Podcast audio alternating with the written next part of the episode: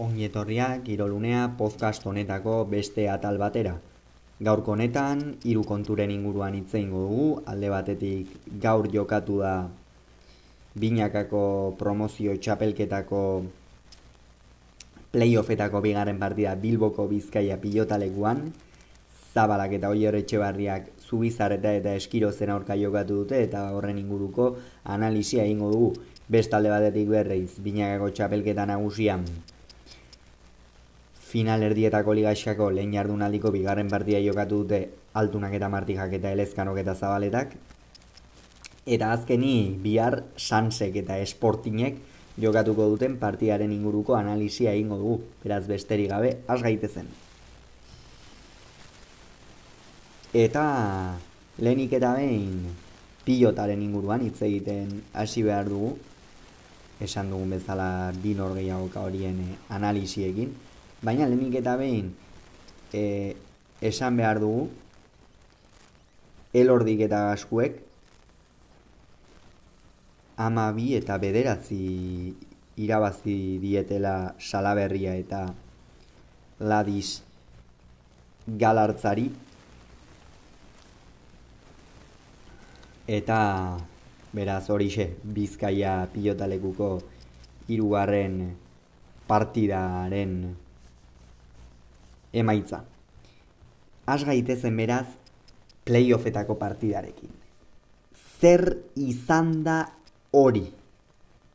Ikuskarria ordea gaur Bilboko Bizkaian gertatu dena promozio txabelketako bigarren partidarekin, playoffetako bigarren partidarekin.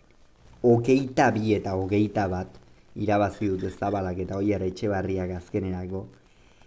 Mila berreunda hogeita maika pilotaka da izan dira, gutxi gora bera, okerrezpanago baina, milatik gora.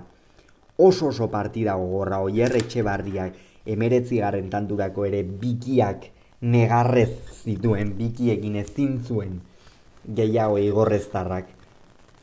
Eta bihotzarekin jokatu du gorputzarekin baino gehiago azken tantu horietan. Hogeita bi eta hogeita bat irabazi dute zabalak eta oier etxebarriak asera-aseratik tanto oso gogorrak izan dira.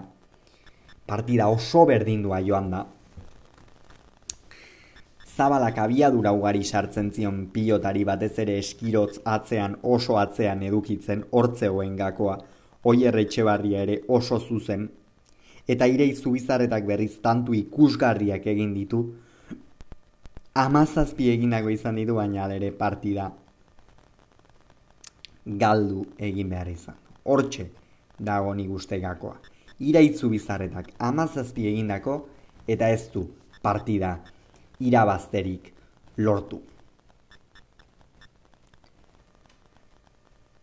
Amabi eta zortzikoan pentsa genezakeen zabalak eta oier etxebarriak egokiago eutxiziela eutxia ziela asera horri, baina ez da ala izan, e, zubizarreta eta eskirotzere oso ongi jardun baitira hortikan aurrera fizikoki oso indarzu, baina esan bezala azkenerako bihotzarekin jokatu dute gorputzarekin, baino gehiago, eta hortxe egonda, hortxe egonda partidaren gakoa. Azken urteetan egon den partidarik piloteatuena izango zen, hain partida horrak ere gutxi izango ziren azken urteetan eta gaur promozio mailan historia, historia idatzi da zalantza izpiri gabe playoffetako partida honetan. Pentsatu, altuna eta martija eta elezkano eta zabaleta, arratsaldeko zazpirak eta hogeita bostetan, hasi dira jokatzen. Eta beste partida bostak eta bi minututan hasi da. Eun eta okeita bat minutu hau da, bi ordu eta minutu bat iraunditu partidak. Sekulako partida izan da gaurkoa, lehenengoa, eta azkenerako txampona gorrien alde erori da. Hauxe beraz promozio txapelketaren inguruan egin behar genuen e, analisia, orain guazen txapelketa nagusiarekin, izan ere altunak eta martijak eta elezkanok eta zabaleta jokatu dute binakako txapelketa nagusiko finalerdietako bigarren e, partida, lehen jardunaldiko bigarren partida, eta garaipena gorrientzat izan da hogeita bi eta amabost. Jokin altuna orain geldituko duenik ez dago hori ziur gaude, horretaz ziur egon behar du. Sei partida jarraian irabazi dituzte altunak eta martijak, baina batez ere aipagarria izan da jokin altunak eman duen erakustaldia. Asera oso oso berdindua izan da, gainera asera aseran zabaleta nola ez epelak ematen espero genuen bezala martija oso atzean edukitzen, eta elezkano aurrean egoki amaitzen ikusi izan dugu, baina ondoren ordea, jokin altunak untxia zapeletik atera duenean, horra zira, amezkedararen benetako erakustaldia. Pio eta abiadurarekin mugitu du aurreko kuadro horietan, zabaletari ere ez dio eroso jokatzen utzi, eta horrek etxarren darra aurrera eta atzera ibiltzera eraman du. Aurrean, bikain bukatz, bukatu du beste behin ere amezketarrak, eta bagenekien pilotari historiko baten aurrean geundela.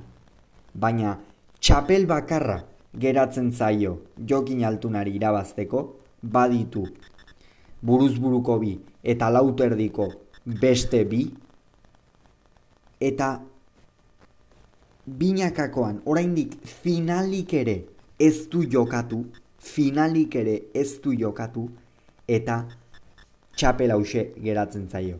Noski, badaki egunen batean irabaziko duela alako izarrek e, iru txapeletako zerrenda horretan sartu beharra daukate eta zalantzarik ez dugu irabaziko duela egunen batean. Eta hori aurten izan daiteke, zalantza izpiri gabe. Kontutan hartuta azken sei partidak irabazi dituela, eta kontutan hartuta zer nolako mailan dagoen bera, baina zer nolako mailan dagoen martija ere. Izan ere, Julen martijaren partida ezin aipatu gabe utziko dugu.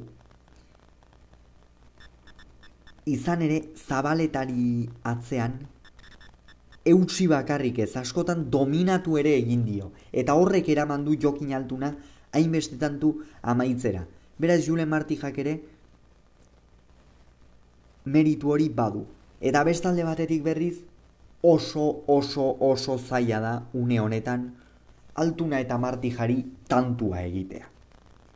Ikeragarrizko defentsa baitute, jokin altunak badakigu pilota moztu eta bere buruari denbora emateko zer nolako gaitasuna duen, Julen martijak ere airez baliabide ikeragarriak ditu, eta une honetan bikote gorria garaitzen duena ikeragarrizko meritua du.